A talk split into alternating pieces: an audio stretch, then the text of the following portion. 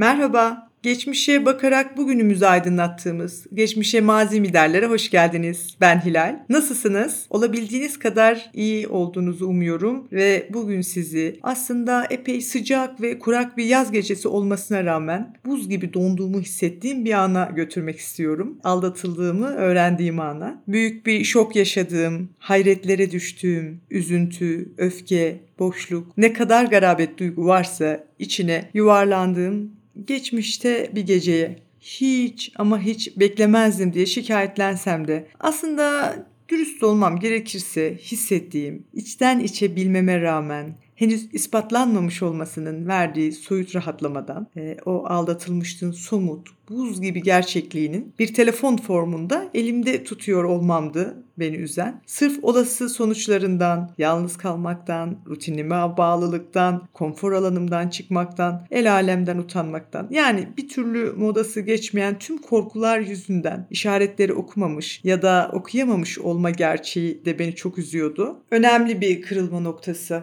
Yani öyle çıt diye değil, çatırt diye ortadan kırılmak. Öyle epeydir masada duran, artık varlığını fark etmediğin ama birden aniden yere düşüp tuzla buz olan bir vazonun kırılarak e, hayatından çıkması gibi. Ahmet Altan'ın e, Aldatmak adlı bir kitabında bir satırında geçtiği gibi sırtına saplanan bir ok gibiydi aldatılmak. E, neyse bu anın hislerini ve sonuçlarını belki başka bir podcast konusu yapmak üzere kenara ayırıyorum. Ben bu satırları yazarken acaba bir arkadaşım ekolü mü kullansam diye düşündüm. E, çünkü zor gelmez diye düşünmeme rağmen e, bu kadarcık bir anıyı geri dönüp üzerinde düşünmek bile zor geldi. Olayın üzerine kendini suçlama evremde neden süreci daha önce fark etmediğimi ya da kulağımın üzerine yattığımı düşündükçe okudukça, e, çalıştıkça bir şey fark ettim. Neden erken teşhis etmemiştim?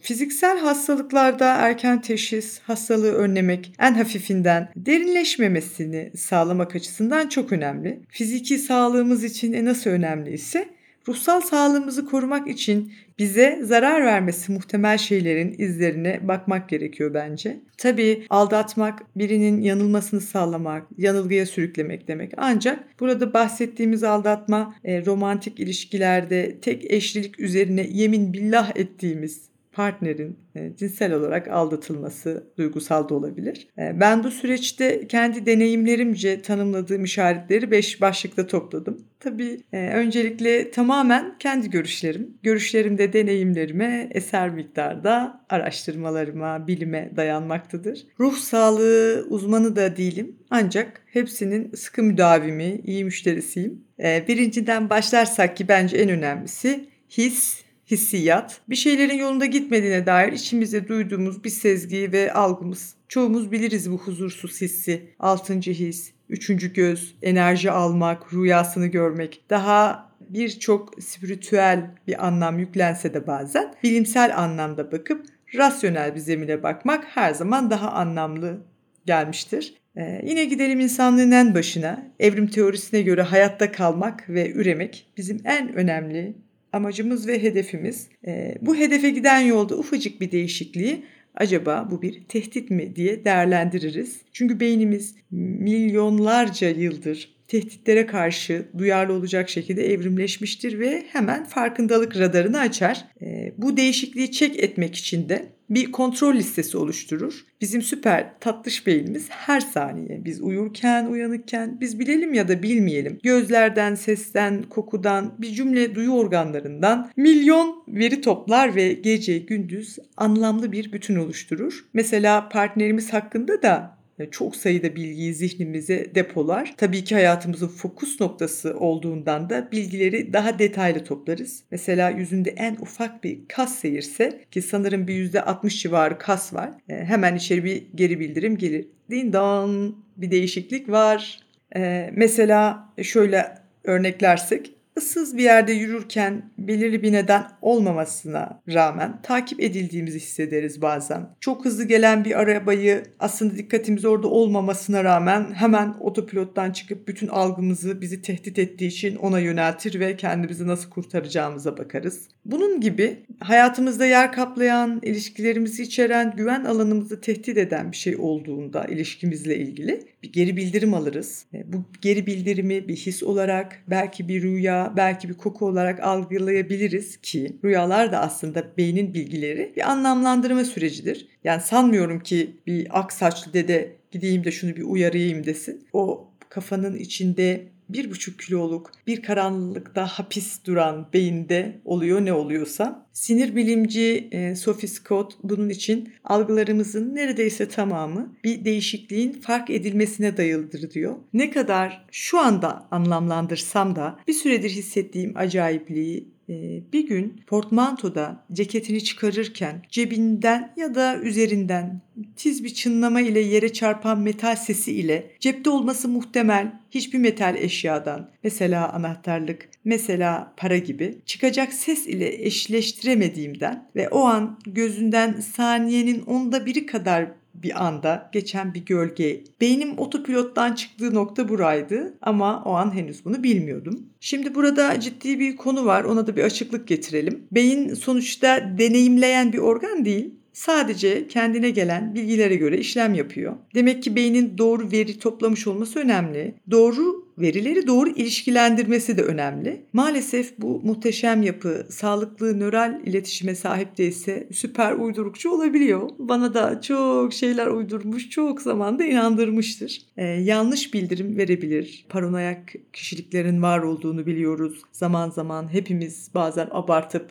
paranoyak kişilik sergileyebiliyoruz. O yüzden ama sonuç olarak sıklıkla algılanan bir şey bir soruna işaret ediyor orası kesin. Ya karşıda ya bizde. O yüzden hislerimizi hafife almayalım. Hemen alevde almayalım ama onu bir dinleyelim. Muhakkak bize partnerimizle yahut bize ilişkin söyleyeceği bir şeyler olabilir. İkincisi, kalıplaşmış davranışlarda ya da rutinimizde değişimleri fark etmemesi, duygusuz kalması. Ee, bunun size karşı odağını, konsantrasyonunu kaybetmedi diyebiliriz. Psikolojide böyle bir sendrom da var mı bilmiyorum ama malum artık her şeyin sendromu yapıldığına göre bunun da vardır. Ben e, bunu fark ettiğimde sınırları zorlayayım dedim mesela. Üç kere telefonu açmadığımda endişelenen insan bütün gün ortadan yok oluşumu, eve iki saat geç gidişimi e, veyahut da büyük bir değişikliği fark etmemişti. İşimle ilgili büyük bir hezimet yaşadığımda hiç beklemediğim insanlardan destekler alırken yaşadığım şeyi önemsizleştirmiş hatta empati bile yapamadığını fark etmiştim. Tabii yine yanlış değerlendirmelerden uzak kalmak adına hiçbir zaman hiç kimse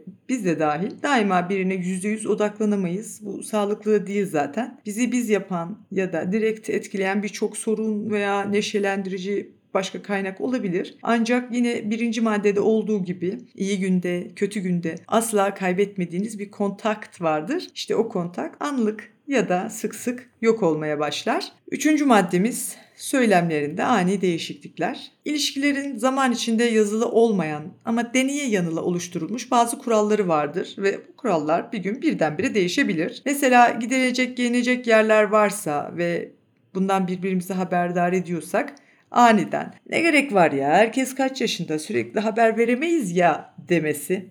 Ah canım vereceksin tabii. Bence gayet de güzel birbirimize haber verebiliriz. Ee, bir atasözü var ya testinin içinde ne varsa dışına o sızar diye. Biz de kilden yapılma varlıklar olarak içimizde bir düşünce ve duygu varsa onu çok uzun süre tutamayız. Muhakkak bir yerimizden sızar. Dördüncü maddemiz suçluluk psikolojisi, pişmanlık göstergesi. Bu literatürde kanunen veya dinen yasaklanan ya da ahlaki açıdan ayıplanan bir şey yaptığımız, toplumun ahlaki normlarını ya da kendi standartlarımızı çiğnediğimiz düşüncesinin yarattığı pişmanlık, rahatsızlık duygularının ortak anlamı. Suç ve pişmanlık Psikolojisi biraz birbirine benzese de aralarında ince nüanslar var. E, böyle hassas bir durumu incelemeyi psikolog Beyhan Budağa bırakıyorum. E, o rahatlatıcı sesiyle çok e, düzgün bir açıklama getirecektir eminim. E, işte böyle bir durum bir pişmanlık doğurabilir. Aldatan insanın da aslında insan olduğu, ne kadar ahlaksız, etik dışı, acı verici, Allah'ın belası, şerefsiz diye tanımlanan bir suç işlemiş olsa da vicdani olarak acı çekebilir. Yaptığı şeyin yanlış olduğunu bilinçaltı düzeyde de hissedebilir. E, bunu iki türlü yansıtır, yansıtırmış. E, yapıcı pişmanlık, suçluluk duygusu, yıkıcı pişmanlık, suçluluk duygusu. Yapıcı olduğu zaman gelip açıklayıp özür dileyebilir. Veyahut da size itiraf edemese de sizi sevindirecek böyle hani düğün değil bayram değil enişten beni niye öptü diyeceğiniz e, şekilde bir şeyler alabilir, getirebilir. E, normalin dışında bir sevgi gösterisinde bulunabilir gibi artık herkesin pişmanlık duygusu farklıdır. Ama pişmanlık iyidir ya. Yani bir halt ettiysek insanız sonuçta. En azından gerçekten etkin pişmanlıktan faydalanmakta, e, dürüstlük, dürüstlük e, karinesini e, kullanmakta fayda var. E, bir de yıkıcı e, suçluluk duygusu var. Bu da e, yaptığı şeyi aslında e, suçluluğunu duyan ama bunu sizinle paylaşmak isteyen. Yani size kabahat bulan. Böyle yapmasaydın böyle olmazdı. İşte huzurumuz mu vardı? E, sen de zaten bana bir gün şöyle demiştin ya falan diye. E, o suçun ağırlığını sizinle paylaşmak istemek veya daha şiddetli bir şekilde bunu size yansıtmak ki bu çok üzücü bir şey. E, beşinci maddem durumdan artık büyük oranda işkillendiğinizde insan insansınız ya. Bazı metotlara başvurmadan geçip karşısına insancak sorduğunuzda şiddetle karşı çıkmaları, oturup konuşmaktan kaçınmaları, sizi beş kat daha bastırmaları. Buna psikoloji alanında çekilmiş çok nadide bir filmde Şener Şen'in tespitçisi olduğu Yaz Kızım ekolü denir. İzleyenler bilir. Yaz kızım 2 kilo çimento. Daha sonra Mehmet Ali Erbil tarafından da desteklenerek üzerinde görse inkar et olarak geliştirilmiştir. Hatta sizi de suçlar. Şimdi bu 5 maddeden sonra şunu da eklesem mi diye düşündüm. Madde olarak değerlendirsem mi? E, tabii duşa, tuvalete, bilimum her yere telefonla girmesi. Çünkü hayatımız zaten telefonda ve sonuçta bu işleri çevirmek için olmazsa olmaz. E, hepsi neredeyse birinci madde olan hissiyat duygusu etrafında gelişiyor. Tabii ki gayet profesyonel insanlar bizi çok uzun süre 5 değil 55 madde de olsa idare edebilir. Maşallah ben hep profesyonellerle çalışırım arkadaşlar. Yapmayı kafaya koymuş, bunu meslek haline getirmiş insanlar var yani. İkinci telefon kullanır bilmem ne yapar. E, aklınız almaz. Ancak elinde sonunda her yalanın mumu yatsıya kadar sönmeye mahkumdur. Radarımıza takılan bir şey varsa değerlendirmek gerekir. Hiç değerlendirmemek ya da aşırı reaksiyon ilişki için pek sağlıklı değildir. Sonuçları çok yıkıcı olan, kendimizi değersiz hissettiren, bize zaman, emek, inanç, motivasyon, değer kaybettiren bu durumu erkenden tanımlamak önemlidir. Her zaman olduğu gibi profesyonellerle çalış her zaman olduğu gibi profesyonellerle çalıştığımı söylemiştim ben. Ne zaman konuşmaya başlasam suçlu oluyordum ee, hasta olmakla, rahat batmasıyla suçlanıyordum. En sonunda gerçekten kendimin hasta olduğuna karar verip psikiyatra gittim. Bakın psikolog bile değil, psikiyatra o kadar hastayım. Dedim ki ben şüpheler içinde yüzüyorum. Doktor hanım sürekli sorun çıkarıyorum, kavgalara sebep oluyorum, huzursuzum, insanları huzursuz ediyorum, bir de buna üzülüyorum. Böyle ağladım, zırladım. Dinledi. Sonra unutulmayan o sözü söyledi. Her ne kadar tepkisiz olsa da o profesyonel insan içinden teşhisi koymuştu bence. Eğer dedi başka kadınlar varsa ve bunlar devamlılık arz ediyorsa ikinci kadın muhakkak birinci kadına mesaj gönderir. İşte bundan sonra o mesajı aradım. E, çünkü hasta olmadığımı ispatlamanın tek yolu buydu. Bir gün not defterinde bir not buldum. E, arkasında çorap söküğü gibi geldi. Bütün kanıtlarımı toplayıp emin olduktan sonra artık inkar edilemez dereceye geldiğinde önce oturup konuştuk. E, anlamaya çalıştık. Bu yapılan şeyin nedenini, sonucunu değerlendirdik. Daha sonra olmayacağını anlayınca da ayrıldık dermişim. Tabii ki öyle olmadı. Arzu edilen bu olsa da ben derhal o ilişkiye son verdim. Artık görmezden gelemeyeceğime karar verdim ve gittim dermişim. Öyle de olmadı. Hiç konuşmadan, anlamadan bir müddet daha devam etti. İki korkak. Ah, Evet bunları konuşmak biraz zor oluyor. E, iki korkak olarak yalanların içinde oturduk ama bir müddet. Cebinden düşüp yuvarlanan metalin bir altın küpe formunda vestiyerin altında temizlik yaparken bulduğumda tekrar o ilk kırılma anına dönüp şimşek hızıyla süreci tekrar değerlendirip psikiyatrımın o bana gelmesi muhtemel mesajı aldığımı fark ettim.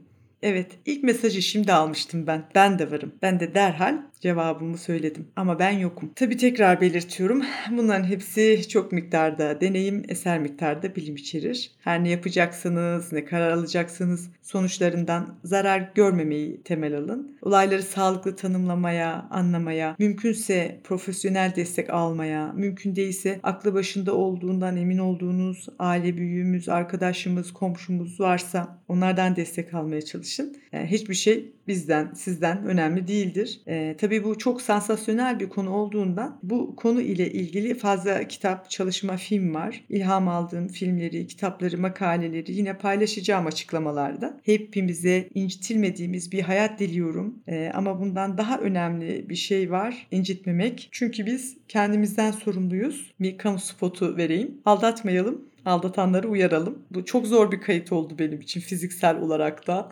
çok büyük sefaletlerle kaydettim. Umarım e, etraftaki seslerden kötü kalitedeki bu kayıttan da kimse rahatsız olmaz. Ama bu sefer size hoşçakalın demiyorum. E, Leyla ve Mecnun dizisinde Mecnun'a dendiği gibi hoşçakal diyen geri gelmiyor Mecnun. Ama tüm hayatımızdaki toksik kişilere gelsin. Hoşçakalın.